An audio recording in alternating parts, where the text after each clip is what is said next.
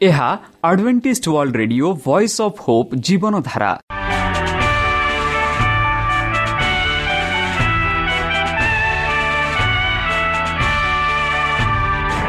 Odia radio କାର୍ଯ୍ୟକ୍ରମ ଯାହା ଆମର ଆନ୍ତର୍ଜାତୀୟ ଆଘାତ କେନ୍ଦ୍ରରୁ ପ୍ରସାରଣ କରାଯାଉଛି ପ୍ରତିଦିନ ରାତି ନଅଟା ତିରିଶ ମିନିଟ୍ରେ। ମୁଁ ସୁବ୍ରତ କୁମାର ପତି ପ୍ରେମର ସହ ଆପଣମାନଙ୍କୁ ଏହି କାର୍ଯ୍ୟକ୍ରମକୁ ସ୍ୱାଗତ କରୁଅଛି। ଚାଲନ୍ତୁ ଆଜିର ତିରିଶ ମିନିଟ୍ର କାର୍ଯ୍ୟକ୍ରମ ବିଷୟରେ ଜାଣିନେବା। ପ୍ରଥମେ ରଖିଛୁ ଆଧ୍ୟାତ୍ମିକ ଭକ୍ତିମୟ ଗୀତ। ଏହାପରେ ଶୁଣିବା ସ୍ୱାସ୍ଥ୍ୟ ବିଷୟରେ ଯାହା ଆମର ଦୈନିକ ଜୀବନରେ ଅତ୍ୟନ୍ତ ଜରୁରୀ।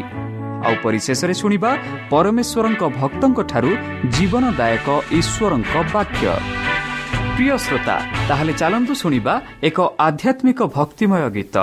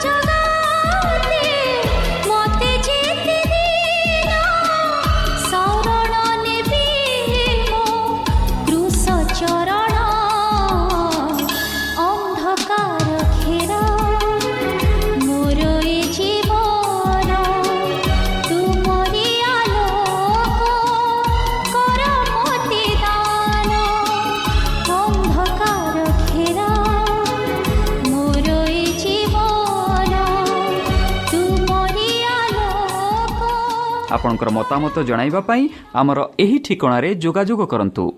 ଆମ ଠିକଣା Adventist media centre SDA mission compound Salisbury park Pune ଚାରି ଏକ ଏକ ଶୂନ ତିନି ସାତ ମହାରାଷ୍ଟ୍ର। ବା ଖୋଲନ୍ତୁ ଆମର ୱେବସାଇଟ୍ ଯେକୌଣସି Android phone smartphone desktop laptop କିମ୍ବା ଟ୍ୟାବ୍ଲେଟ୍ ଆମର website W W W dot A W R dot O R G slash O R I ଏବଂ W W W dot Adventist media centre India dot O R G ବର୍ତ୍ତମାନ ଚାଲନ୍ତୁ ଶୁଣିବା ଈଶ୍ୱରଙ୍କ ଭକ୍ତଙ୍କଠାରୁ ଈଶ୍ୱରଙ୍କ ଜୀବନଦାୟକ ବାକ୍ୟ ବାହାର ଦେଖାରେ ନୁହେଁ ନମସ୍କାର ପ୍ରିୟ ଶ୍ରୋତା ସେହି ସର୍ବଶକ୍ତି ସର୍ବଜ୍ଞାନୀ ପ୍ରେମର ସାଗର ଦୟାମୟ ଅନ୍ତର୍ଜମୀ ଅନୁଗ୍ରହ ପରମ ପିତାଙ୍କ ମଧୁର ନାମରେ ମୁଁ ପାଷ୍ଟ ପୂର୍ଣ୍ଣଚନ୍ଦ୍ର ଆଉ ଥରେ ଆପଣମାନଙ୍କୁ ଏହି କାର୍ଯ୍ୟକ୍ରମରେ ସ୍ୱାଗତ କରୁଅଛି। ପ୍ରିୟ ଶ୍ରୋତା ସେହି ସର୍ବଶକ୍ତି ପରମେଶ୍ୱର ଆପଣମାନଙ୍କୁ ଆଶୀର୍ବାଦ କରନ୍ତୁ। ଆପଣଙ୍କୁ ସମସ୍ତ ପ୍ରକାର ଦୁଃଖ କଷ୍ଟ ବାଧା କ୍ଲେଶରୁ ଦୂରେଇ ରଖନ୍ତୁ। ଶତ୍ରୁ ସୈତାନ ହସ୍ତରୁ ସେ ସୁରକ୍ଷାରେ ରଖନ୍ତୁ। ତାହାଙ୍କ ପ୍ରେମ ତାହାଙ୍କ ସ୍ନେହ ତାହାଙ୍କ ଅନୁଗ୍ରହ ସଦାସର୍ବଦା ଆପଣଙ୍କଠାରେ ସହବର୍ତ୍ତୀ ରହୁ। ବନ୍ଧୁ ଚାଲନ୍ତୁ ଆଜି ଆମ୍ଭେମାନେ କିଛି ସମୟ ପବିତ୍ର ଶାସ୍ତ୍ର ବାଇବଲଠୁ ତାହାଙ୍କ ଜୀବନଦାୟକ ବାକ୍ୟ ଧ୍ୟାନ କରିବା। ଆଜିର ଆଲୋଚନା ହେଉଛି ବାହ୍ୟ ଉପର ବା ସହିତ ଦେଖାଇବା ନାହିଁ। ବନ୍ଧୁ ବିଲେ ବିଲେ ଆମମାନେ ଯାହା ଆମେ କହୁଛୁ ଉପରିଆ ଦେଖାଇବା। ଯାହା କରୁଛୁ ତା ଆମେ କରୁନାହୁଁ ବା ଦେଖା ଦେଖାଇବା ତାହା ଆମେ ବେଲେ ବେଲେ ବେଲେ କରୁନାହୁଁ ଚାଲନ୍ତୁ ପବିତ୍ର ଶାସ୍ତ୍ର ବାଇବଲ ଯାହା କହୁଛି ତା ବିଷୟରେ ଆମେ କିଛି ସମୟ ଆଲୋଚନା କରିବା। ଈଶ୍ୱରଙ୍କ ରାଜ୍ୟ ବାହ୍ୟ ପ୍ରଦର୍ଶନ ସହିତ ଆସେ ନାହିଁ। ମାର୍ଜନ ସେମାନେ ମଧ୍ୟ କହିବେ ନାହିଁ ଦେଖ ଏଠାରେ ଦେଖ କାରଣ ଦେଖ ଈଶ୍ୱରଙ୍କ ରାଜ୍ୟ ଆପଣଙ୍କ ଭିତରେ ଅଛି। କେତେକ ଫାରୁସି ଯୀଶୁଙ୍କ ନିକଟକୁ ଆସି ଈଶ୍ୱରଙ୍କ ରାଜ୍ୟ କେବେ ଆସିବ ବୋଲି ଦାବି କରିଥିଲେ। ବାପିଜଙ୍କ ଜନଙ୍କ ବାର୍ତ୍ତା ଦେବାଠାରୁ ତିନି ବର୍ଷରୁ ଅଧିକ ସମୟ ବିତିଗଲା। ସେ ଯେ ଦେଶରେ ତୁରି ଡାକିବା ପରି ସ୍ୱର୍ଗ ରାଜ୍ୟ ପାଖେଇ ଆସୁଛି ବୋଲି ସେ ପ୍ରଚାର କରୁଥିଲେ ଏବଂ ଏପର୍ଯ୍ୟନ୍ତ ଏହି ଫାରୁସିମାନେ ରାଜ୍ୟ ପ୍ରତିଷ୍ଠା ବିଷୟରେ କୌଣସି ସୂଚନା ଦେଖିନଥିଲେ ଯେଉଁମାନେ ଜହନଙ୍କ ପ୍ରତ୍ୟାଖ୍ୟାନ କରିଥିଲେ ଏବଂ ପ୍ରତ୍ୟେକ ପଦପକ୍ଷରେ ଯୀଶୁଙ୍କୁ ବିରୋଧ କରିଥିଲେ ସେମାନେ କହିଥିଲେ ଯେ ତାଙ୍କର ମିଶନ ବିଫଳ ହୋଇଛି। ଯୀଶୁ ଉତ୍ତର ଦେଲେ ବନ୍ଧୁ ଈଶ୍ୱରଙ୍କ ରାଜ୍ୟ ବାହ୍ୟ ପ୍ରଦର୍ଶନ ସହିତ ଆସେ ନାହିଁ। ମାର୍ଜନ ସେମାନେ ମଧ୍ୟ କହିବେ ନାହିଁ ଦେଖ ଏଠାରେ ଦେଖ କାରଣ ଦେଖ ଈଶ୍ୱରଙ୍କ ରାଜ୍ୟ ଆପଣଙ୍କ ଭିତରେ ଅଛି। ଈଶ୍ୱରଙ୍କ ରାଜ୍ୟ ହୃଦୟରେ ଆରମ୍ଭ ହୁଏ ବନ୍ଧୁ। ଏହାର ଆଗମନକୁ ଚିହ୍ନିବା ପାଇଁ ପାର୍ଥିବ ଶକ୍ତିର ପ୍ରଦର୍ଶନ ପାଇଁ ଏଠାରେ କିମ୍ବା ସେଠାରେ ଦେଖାଯାଏ ନାହିଁ। ସେ ନିଜ ଶିଷ୍ୟମାନଙ୍କ ଆଡ଼କୁ ବୋଲି କହିଲେ ଦିନ ଆସିବ। ଯେତେବେଳେ ତୁମେ ମନୁଷ୍ୟ ପୁତ୍ରଙ୍କର ଗୋଟିଏ ଦିନ ଦେଖିବାକୁ ଇଚ୍ଛା କରିବ। କିନ୍ତୁ ତୁମେ ତାହା ଦେଖିବ ନାହିଁ। କାରଣ ଏହା ସଂସାରିକ ସମ୍ପଦ ଦ୍ୱାରା ଉପସ୍ଥିତ ନଥାଏ। ତୁମେ ମୋର ମିଶନର ଗୌରବ ଜାଣିବାରେ ବିଫଳ ହେବାର ବିପଦରେ। ତୁମ୍ଭେ ବୁଝିପାରିବ ନାହିଁ ଯେ ତୁମ ମଧ୍ୟରେ ରହିବାରେ ତୁମର ବର୍ତ୍ତମାନ ସୌଭାଗ୍ୟ କେତେ ମହତ୍ଵ ଯଦିଓ ମାନବିକତାର ଆବୃତ ଯିଏ ଜୀବନ ଏବଂ ମନୁଷ୍ୟର ଆଲୋକ ଦିନ ଆସିବ ଯେତେବେଳେ ତୁମେ ଈଶ୍ୱରଙ୍କ ପୁତ୍ରଙ୍କ ସହିତ ଚାଲିବ ଏବଂ କଥାବାର୍ତ୍ତା କରିବାକୁ ଉପଭୋଗ କରୁଥିବା ସୁଯୋଗକୁ ଲାଲସା ସହିତ ପଛକୁ ଦେଖିବ। ବନ୍ଧୁ ସେମାନଙ୍କ ସ୍ୱାର୍ଥ ଏବଂ ପାର୍ଥିବ ହେତୁ ଯୀଶୁ ଶିଷ୍ୟମାନଙ୍କ ମଧ୍ୟ ସେ ଆଧ୍ୟାତ୍ମିକ ଗୌରବକୁ ବୁଝିପାରିଲେ ନାହିଁ। ଯାହା ସେ ସେମାନଙ୍କୁ ପ୍ରକାଶ କରିବାକୁ ଚେଷ୍ଟା କଲେ। ଖ୍ରୀଷ୍ଟଙ୍କ ପିତାଙ୍କ ନିକଟକୁ ଆରୋହଣ ହେବା ପରେ ଏବଂ ବିଶ୍ୱାସୀଙ୍କ ଉପରେ ପବିତ୍ର ଆତ୍ମାଙ୍କ ନିର୍ଗତ ହେବା ପର୍ଯ୍ୟନ୍ତ ଶିଷ୍ୟମାନେ ଉଦ୍ଧାରକର୍ତ୍ତାଙ୍କ ଚରିତ୍ର ଏବଂ କାର୍ଯ୍ୟକୁ ସମ୍ପୂର୍ଣ୍ଣ ପ୍ରଶଂସା କଲେ। ସେମାନେ ଆତ୍ମାଙ୍କ ବାପିଷ୍ମ ଗ୍ରହଣ କରିବା ପରେ ସେମାନେ ଅନୁଭବ କରିବାକୁ ଲାଗିଲେ ଯେ ସେମାନେ ଗୌରବ ପ୍ରଭୁଙ୍କ ଉପସ୍ଥିତିରେ ଅଛନ୍ତି। ଯେହେତୁ ଖ୍ରୀଷ୍ଟଙ୍କ କଥାଗୁଡ଼ିକ ସ୍ମରଣ କରାଗଲା ଭବିଷ୍ୟତବାଣୀ ଗୁଡ଼ିକୁ ବୁଝିବା ପାଇଁ ଏବଂ ସେ କରିଥିବା ଚମତ୍କାର ଗୁଡ଼ିକ ବୁଝିବା ପାଇଁ ସେମାନଙ୍କର ମନ ଖୋଲା ହେଲା। ତାଙ୍କ ଜୀବନର ଚମତ୍କାର ଗୁଡ଼ିକ ସେମାନଙ୍କ ଆଗରେ ଚାଲିଗଲା ଏବଂ ସେମାନେ ଯେପରି ସ୍ୱପ୍ନରୁ ଜାଗ୍ରତ ହୋଇଥିଲେ ସେମାନେ ହୃଦୟଙ୍ଗମ କଲେ ଯେ ବାକ୍ୟ ଶରୀରରେ ପରିଣତ ହେଲା ଏବଂ ଆମ ମଧ୍ୟରେ ବାସ କଲା।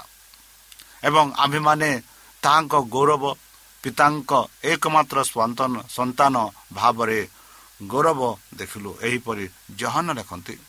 ଜହନ ଏକ ଏକରେ। ପୃଷ୍ଠ ପ୍ରକୃତିରେ କୃଷ୍ଣଙ୍କଠାରେ ଆଦମଙ୍କର ପତିତ ପୁତ୍ର ଓ ଝିଅମାନଙ୍କୁ ରକ୍ଷା କରିବା ପାଇଁ ଏକ ପାପି ଜଗତକୁ ଆସିଥିଲେ। ଶିଷ୍ୟମାନେ ବର୍ତ୍ତମାନ ଏହା ଅନୁଭବ କରିବା ଅପେକ୍ଷା ବହୁତ କମ୍ ଗୁରୁତ୍ୱପୂର୍ଣ୍ଣ ମନେ ହେଉଥିଲା ସେମାନେ ତାଙ୍କ ବାକ୍ୟ ଏବଂ କାର୍ଯ୍ୟର ପୁନର୍ବୃତ୍ତି କରିବାକୁ କଦାପି କ୍ଳାନ୍ତ ହୋଇନଥିଲେ ତାଙ୍କର ଶିକ୍ଷା ଯାହାକି ସେମାନେ ଅଳ୍ପ ମାତ୍ରାରେ ବୁଝୁଥିଲେ ବର୍ତ୍ତମାନ ଏକ ନୂତନ ପ୍ରକାଶନ ଭାବରେ ସେମାନଙ୍କ ନିକଟକୁ ଆସିଲା ଶାସ୍ତ୍ରଗୁଡ଼ିକ ସେମାନଙ୍କ ପାଇଁ ଏକ ନୂତନ ପୁସ୍ତକ ହେଲା। ଶିଷ୍ୟମାନେ ଖ୍ରୀଷ୍ଟଙ୍କ ସାକ୍ଷା ଦେଇଥିବା ଭବିଷ୍ୟତବାଣୀ ଗୁଡ଼ିକୁ ଅନୁସନ୍ଧାନ କଲାବେଳେ ସେମାନେ ଦେବତାଙ୍କ ସହ ସହଭାଗିତ ହେଲେ ଏବଂ ସେ ପୃଥିବୀର ଆରମ୍ଭ କରିଥିବା କାର୍ଯ୍ୟ ସମାପ୍ତ କରିବାକୁ ସ୍ୱର୍ଗକୁ ଯାଇଥିବା ବିଷୟରେ ଜାଣିଲେ। ସେମାନେ ଏହା ଜାଣିଲେ ଯେ ତାଙ୍କଠାରେ ଜ୍ଞାନ ବାସ କରିଥିଲେ ଯାହା କୌଣସି ମନୁଷ୍ୟ ଈଶ୍ୱରୀୟ ପ୍ରତିନିଧିତ୍ୱ ଦ୍ୱାରା ବୁଝିବା ବା ବୁଝିପାରିବେ ନାହିଁ।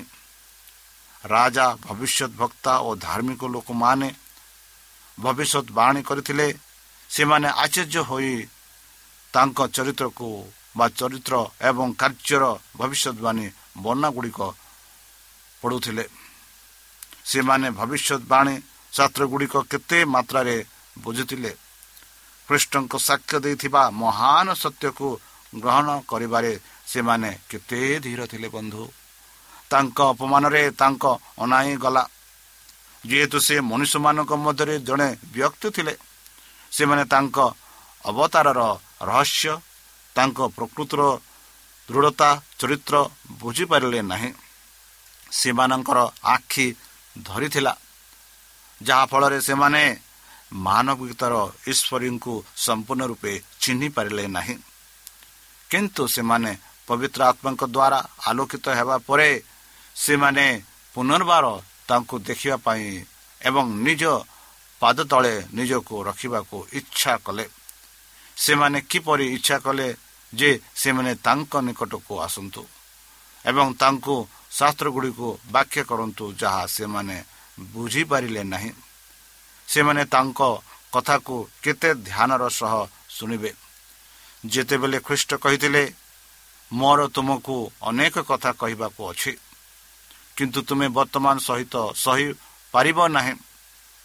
ସେମାନେ ସମସ୍ତେ ଜାଣିବାକୁ କେତେ ଆଗ୍ରହୀ ଥିଲେ। ସେମାନଙ୍କ ବିଶ୍ୱାସ ଏପରି ହୋଇଥିବାରୁ ସେମାନେ ଦୁଃଖିତ ହେଲେ ଖ୍ରୀଷ୍ଟ।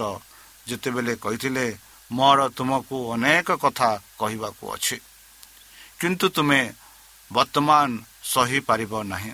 ବନ୍ଧୁ ସେମାନେ ସମସ୍ତେ ଜାଣିବାକୁ କେତେ ଆଗ୍ରହୀ ଥିଲେ। ହେଲେ ସେମାନେ ବିଶ୍ୱାସ ଏହିପରି ହୋଇଥିଲା ସେମାନେ ଦୁଃଖିତ ହେଲେ। ଖ୍ରୀଷ୍ଟ ଯେତେବେଳେ କହିଥିଲେ ହେ ମୋର ଶିଷ୍ୟମାନେ ହେ ମୋର ଭାଇମାନେ ବନ୍ଧୁମାନେ ତୁମମାନଙ୍କୁ ମୁଁ ଅନେକ କଥା କହିବାକୁ ଅଛି।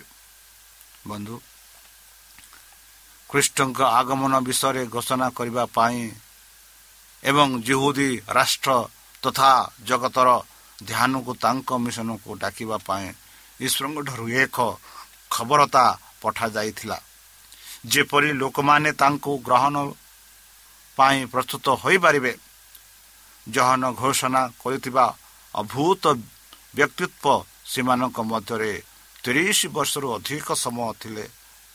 ଏବଂ ସେମାନେ ପ୍ରକୃତରେ ଈଶ୍ୱରଙ୍କ ଠାରୁ ପଠାଯାଇଥିବା ବ୍ୟକ୍ତି ଭାବରେ ତାଙ୍କୁ ଜାଣିନଥିଲେ। ଅନୁତାପ ବି ସେମାନଙ୍କ ଧରିଥିଲା କାରଣ ସେମାନେ ଅବିଶ୍ୱାସ କରୁଥିବା ଅବିଶ୍ୱାସଙ୍କୁ ସେମାନଙ୍କ ମତାମତଙ୍କୁ ଖମିର କରିବାକୁ ଏବଂ ସେମାନଙ୍କୁ ବୁଝାମଣାକୁ ଅନୁମତି ଦେଇଥିଲେ। ଏହି ଅନ୍ଧକାରର ଦୁନିଆର ଆଲୋକ ଏହାର ଅନ୍ଧକାରର ମଧ୍ୟରେ ଲସି ଉଠିଥିଲା। ସେମାନେ ନିଜକୁ ପଚାରିଲେ କାହିଁକି ସେମାନେ ଏପରି ଏକ ପାଠ୍ୟକ୍ରମ ଅନୁସରଣ କଲେ? ଯାହା ଖ୍ରୀଷ୍ଟଙ୍କ ପାଇଁ ସେମାନଙ୍କୁ ଭର୍ଜନା କରିବା ଆବଶ୍ୟକ କଲା। ସେମାନେ ପ୍ରାୟତଃ ତାଙ୍କ ବାର୍ତ୍ତା ଫଳାକୁ ବାରମ୍ବାର କହିଥିଲେ ଏବଂ କହିଥିଲେ ଆମେ କାହିଁକି ପାର୍ଥିବ ବିଚାର ଏବଂ ପୁରୋହିତ ଏବଂ ରାବଣଙ୍କ ବିରୋଧକୁ ଆମର ଇନ୍ଦ୍ର ଗୁଡ଼ିକୁ ବିଭ୍ରାନ୍ତ କରିବାକୁ ଅନୁମତି ଦେଲୁ। ଅତଏବ ଆମ୍ଭେମାନେ ବୁଝିପାରିଲୁ ନାହିଁ ଯେ ମଶାଙ୍କ ଠାରୁ ମହାନ ସୋଲମଙ୍କ ଠାରୁ ଜଣେ ଜ୍ଞାନୀ ଆମକୁ ଶିକ୍ଷା ଦେଉଛନ୍ତି କି? ଆମର କାନ କେତେ ନିର୍ଭୋଧ ଥିଲା ଆମେ ବୁଝାମଣା କେତେ ଦୁର୍ବଳ ଥିଲା। ରୋମିଓ ସୈନିକମାନଙ୍କ ଦ୍ୱାରା ହୋଇଥିବା କ୍ଷତରେ ଆଙ୍ଗୁଠି ନ ପକାଇବା ପର୍ଯ୍ୟନ୍ତ ଥମାସ ବିଶ୍ୱାସ କରିବେ ନାହିଁ ବୋଲି ସେ କହିଥିଲେ। ପିତର ତାଙ୍କର ଅପମାନ ଏବଂ ପ୍ରତ୍ୟାଖ୍ୟାନରେ ତାଙ୍କୁ ଅସ୍ୱୀକାର କରିଥିଲେ ବନ୍ଧୁ। ଏହି ଯନ୍ତ୍ରଣାଦାୟକ ସ୍ମୃତି ଗୁଡ଼ିକ ସେମାନଙ୍କ ଆଗରେ ଭିନ୍ନ ଧାଡ଼ିରେ ଆସିଥିଲା। ସେମାନେ ତାଙ୍କ ସହିତ ଥିଲେ କିନ୍ତୁ ସେମାନେ ତାହାଙ୍କୁ ଜାଣିନଥିଲେ।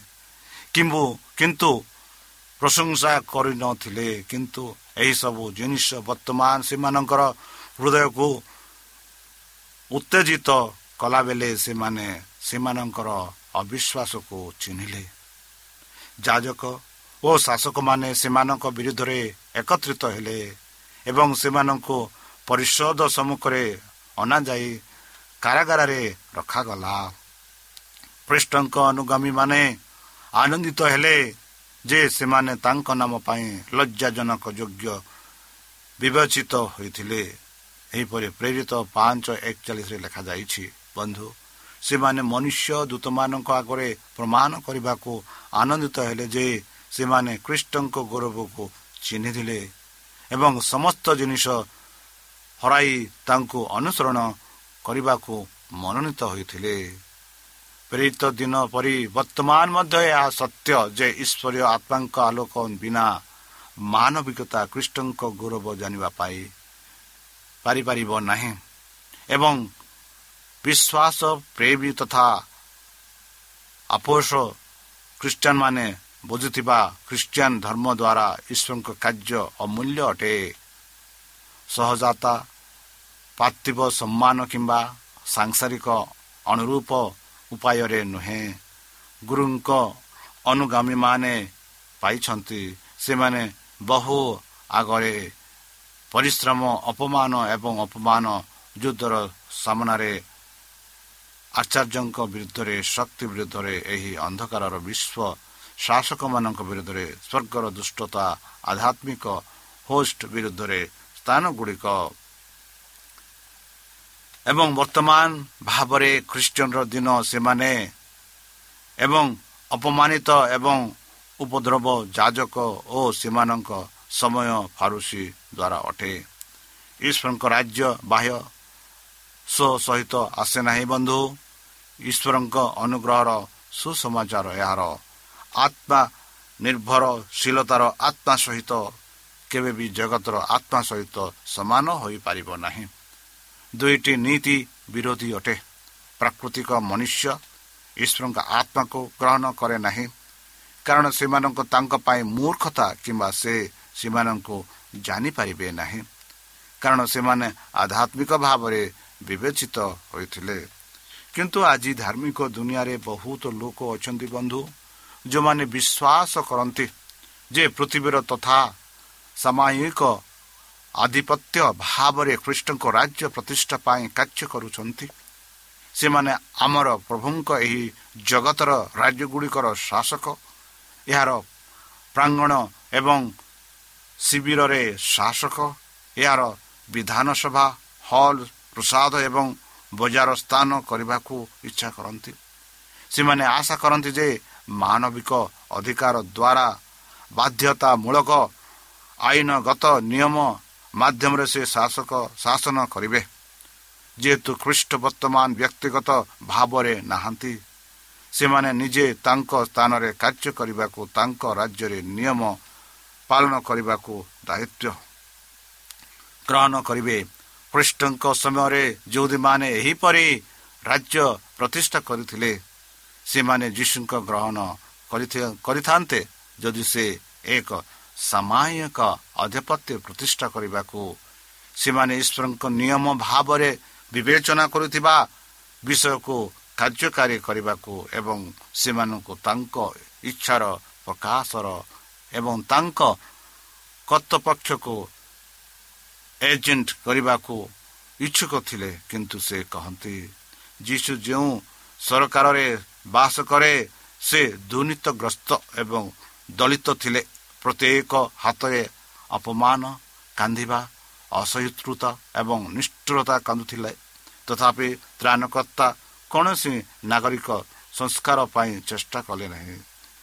ସେ କୌଣସି ଜାତୀୟ ଅତ୍ୟାଚାରର ଉପରେ ଆକ୍ରମଣ କରିନଥିଲେ କିମ୍ବା ଜାତୀୟ ଶତ୍ରୁମାନଙ୍କୁ ନିନ୍ଦା କରିନଥିଲେ ସେ କ୍ଷମାତାର ଥିବା ଲୋକଙ୍କ ଅଧିକାର କିମ୍ବା ପ୍ରଶାସନରେ ହସ୍ତପେକ୍ଷ କରିନଥିଲେ ଯିଏ ଆମର ଉଦାହରଣ ଥିଲେ ସେ ପାର୍ଥିବ ସରକାରକୁ ଦୂରେଇ ରହିଲେ।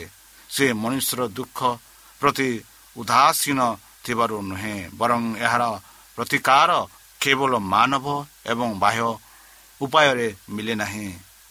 ଫଳପ୍ରଦ ହେବା ପାଇଁ ଉପଶ୍ରମ ନିଶ୍ଚିତ ଭାବରେ ପୁରୁଷମାନଙ୍କ ନିକଟରେ ପହଞ୍ଚି ଆବଶ୍ୟକ ଏବଂ ହୃଦୟକୁ ପୁନର୍ନିର୍ମାଣ କରିବା ଆବଶ୍ୟକ ବନ୍ଧୁ ଅଦାଲତ କିମ୍ବା ପରିଷଦ କିମ୍ବା ବିଧାନସଭା ସଭାଗୁଡ଼ିକର ନିଷ୍ପତ୍ତି ଦ୍ୱାରା ନୁହେଁ ସାଂସାରିକ ମହାନ ବ୍ୟକ୍ତିଙ୍କ ପୁଷ୍ପତାରେ ନୁହେଁ ଖ୍ରୀଷ୍ଟଙ୍କ ରାଜ୍ୟ ସ୍ଥାପିତ ହୋଇଛି କିନ୍ତୁ ପବିତ୍ର ଆତ୍ମଙ୍କ କାର୍ଯ୍ୟ ଦ୍ୱାରା ମାନବିକତାର ଖ୍ରୀଷ୍ଟଙ୍କ ପ୍ରକୃତି ପ୍ରତିରୋପଣ ଦ୍ୱାରା ଯେତେ ଲୋକ ତାହାଙ୍କୁ ଗ୍ରହଣ କଲେ ସେ ସେମାନଙ୍କୁ ଈଶ୍ୱରଙ୍କ ପୁତ୍ର ହେବାକୁ ଶକ୍ତି ପ୍ରଦାନ କଲେ। ଯେଉଁମାନେ ତାଙ୍କ ନାମରେ ବିଶ୍ୱାସ କରନ୍ତି ସେମାନେ ଜନ୍ମ ହୋଇଥିଲେ ରକ୍ତର ନୁହେଁ ଶରୀର ଇଚ୍ଛା କିମ୍ବା ମନୁଷ୍ୟର ଇଚ୍ଛା ନୁହେଁ କିନ୍ତୁ ପରମେଶ୍ୱରଙ୍କ ଦ୍ୱାରା ଏହିପରି ଜହନ ଲେଖନ୍ତି ଜହନ ଏଗାର ବାର ତେରରେ।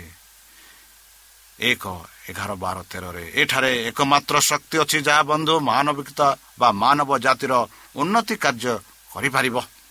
ଏବଂ ଏହି କାର୍ଯ୍ୟର ସଫଳତା ପାଇଁ ମାନବ ଏକ ପ୍ରତିନିଧି ହେଉଛି।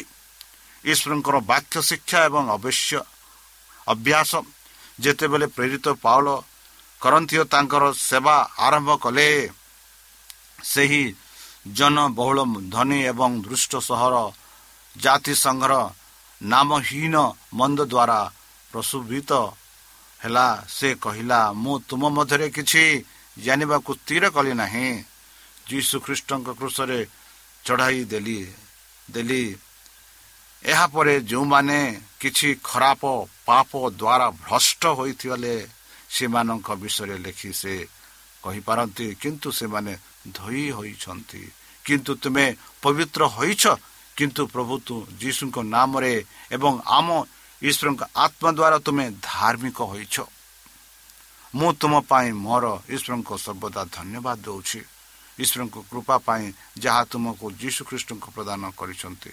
ଏହିପରି ସାଧୁ ପାଉଲ ପ୍ରାର୍ଥନା କରନ୍ତି ବନ୍ଧୁ ବର୍ତ୍ତମାନ ଖ୍ରୀଷ୍ଟଙ୍କ ସମୟ ପରେ ଈଶ୍ୱରଙ୍କ ରାଜ୍ୟର କାର୍ଯ୍ୟ ଯେଉଁମାନେ ପାର୍ଥିବ ଶାସକ ତଥା ମାନବ ନିୟମ ଦ୍ୱାରା ସ୍ୱୀକୃତି ଏବଂ ସମର୍ଥନ ପାଇଁ ଚିତ୍କାର କରିବାକୁ ସେମାନଙ୍କ ଉପରେ ନୁହେଁ। ସେମାନେ ତାଙ୍କ ନାମରେ ଲୋକମାନଙ୍କୁ ସେହି ଆଧ୍ୟାତ୍ମିକ ସତ୍ୟ ଗୁଡ଼ିକ ଘୋଷଣା କରୁଛନ୍ତି ସେମାନଙ୍କ ସହିତ ଅଛନ୍ତି। ପାଳଙ୍କ ଅଭିଜ୍ଞାତ ଗ୍ରହଣ କରେ। ମୁଁ କୃଷ୍ଣଙ୍କ ସହିତ କୃଷରେ ଚଢ଼ିଲି। ତଥାପି ମୁଁ ବଞ୍ଚେ ତଥାପି ମୁଁ ନୁହେଁ କିନ୍ତୁ ଖ୍ରୀଷ୍ଟ ମୋ ଠାରେ ବାସ କରେ। ବନ୍ଧୁ ଗାଲାତୀୟ ପ୍ରତି ଗାଲାତି ଦୁଇ କୋଡ଼ିଏରେ ଏହିପରି ସାଧୁ ପାଲ ଲେଖନ୍ତି। ବନ୍ଧୁ ତାପରେ ସେମାନେ ଲୋକମାନଙ୍କ ସୁବିଧା ପାଇଁ ପାଲଙ୍କ ପରି ପରିଶ୍ରମ କରିବେ। ସେ କହିଥିଲେ ବର୍ତ୍ତମାନ ଆମେମାନେ ଖ୍ରୀଷ୍ଟଙ୍କ ପାଇଁ ରାଷ୍ଟ୍ରଦୂତ ଅଟୁ ଯେପରି ଈଶ୍ୱର ଆମକୁ ଅନୁରୋଧ କରୁଛନ୍ତି ଆମେମାନେ ଖ୍ରୀଷ୍ଟଙ୍କ ସ୍ଥାନରେ ପ୍ରାର୍ଥନା କରୁଛୁ ତୁମେ ଈଶ୍ୱରଙ୍କ ପୁନର୍ନିର୍ମାଣ ହୁଅ। ଏହା ହିଁ ମୋର ପ୍ରାର୍ଥନା ବନ୍ଧୁ ଆପଣଙ୍କ ପାଇଁ। ଆପଣମାନେ ମଧ୍ୟ ଖ୍ରୀଷ୍ଟଙ୍କ ଠାରେ ପୁନଃ ମିଳିତ ହୁଅନ୍ତି। ଯେପରି ସେହି ଖ୍ରୀଷ୍ଟଙ୍କ ନାମରେ ସେହି ଖ୍ରୀଷ୍ଟଙ୍କ ସାହାଯ୍ୟରେ ଆପଣମାନେ ଅନନ୍ତ ଜୀବନ ପ୍ରାପ୍ତ ପାଇ ପାରିବେ। ତାହେଲେ ଚାଲନ୍ତୁ ନିଜ ଜୀବନ ତାଙ୍କଠାରେ ସମର୍ପଣ କରି ତାଙ୍କ ମଧୁର ନାମରେ ଆମେ ପ୍ରାର୍ଥନା ଉତ୍ସର୍ଗ କରିବା। ହେ ଆମମାନଙ୍କ ସର୍ବଶକ୍ତି ସର୍ବଜ୍ଞାନୀ ପ୍ରେମର ସାଗର ଦୟାମୟ ଅନ୍ତର୍ଜମୀ ଅନୁଗ୍ରହ ପିତା ଧନ୍ୟବାଦ ଅର୍ପଣ କରୁଅଛୁ। ବର୍ତ୍ତମାନ ଯେଉଁ ବାକ୍ୟ ତୁମ ସେହି ଭକ୍ତଙ୍କ ଦ୍ୱାରା ଶୁଣାଇଲ ସେହି ବାକ୍ୟ ଅନୁସାରେ ଏମାନଙ୍କୁ ଚାଲିବା ପାଇଁ ବୁଦ୍ଧିରେ ଜ୍ଞାନରେ ଶକ୍ତିରେ ପରିପୂର୍ଣ୍ଣ କର। ପ୍ରଭୁ ବିଶେଷ ରୂପରେ ମୁଁ ଏହି ଶ୍ରୋତାମାନଙ୍କ ପାଇଁ ପ୍ରାର୍ଥନା କରୁଛି ତୁମ ସେହି ବୁଦ୍ଧି ଜ୍ଞାନରେ ପରିପୂର୍ଣ୍ଣ କର। ସେହି ପବିତ୍ର ଆତ୍ମା ଦ୍ୱାରା ସେମାନଙ୍କୁ ନିଅ। ସେହି ପବିତ୍ର ଆତ୍ମା ଦ୍ୱାରା ସେମାନଙ୍କୁ କଢ଼ାଇ ନିଅ ଯେପରି ତୁମ ବାକ୍ୟ ଅନୁସାରେ ସେମାନେ ଚାଲିପାରିବେ। ପ୍ରଭୁ ବୁଦ୍ଧିରେ ଶକ୍ତିରେ ଜ୍ଞାନରେ ପରିପୂର୍ଣ୍ଣ କର। ଶତ୍ରୁ ସୈତାନ ହାତରୁ ସେମାନଙ୍କୁ ସୁରକ୍ଷାରେ ରଖ। ପରିଶେଷ ଯେବେ ତୁମେ ତୁମ ସେହି ସହସ୍ର ଦୂତଙ୍କ ସହ ଆପଣା ସାଧୁମାନଙ୍କୁ ସଂଗ୍ରହ କରିବା ନିମନ୍ତେ ଆସିବେ ସେତେବେଳେ ଆମମାନଙ୍କୁ ଏକ ବାସସ୍ଥାନ ଦିଅ ବୋଲି ତ୍ରାଣକର୍ତ୍ତା ପ୍ରଭୁ ଯୀଶୁଙ୍କ ମଧୁର ପରିଣାମରେ ଏହି ଛୋଟ ବିକ୍ଷମା ଅଛି ଶୁଣି ଗ୍ରହଣ କର। ଆମେ ପ୍ରିୟ ଶ୍ରୋତା ଆମେ ଆଶା କରୁଛୁ ଯେ ଆମର କାର୍ଯ୍ୟକ୍ରମ ଆପଣମାନଙ୍କୁ ପସନ୍ଦ ଲାଗୁଥିବ। ଆପଣଙ୍କର ମତାମତ ଜଣାଇବା ପାଇଁ ଆମର ଏହି ଠିକଣାରେ ଯୋଗାଯୋଗ କରନ୍ତୁ।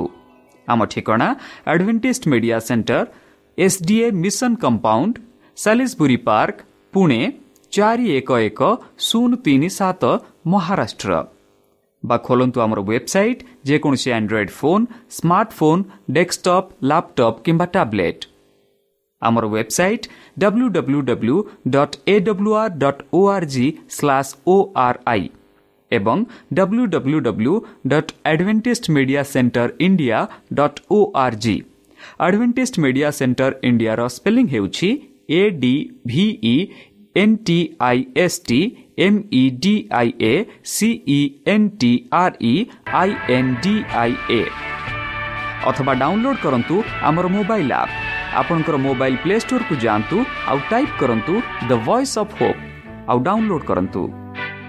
ଈଶ୍ୱର ଆପଣଙ୍କୁ ଆଶୀର୍ବାଦ କରନ୍ତୁ। ଧନ୍ୟବାଦ।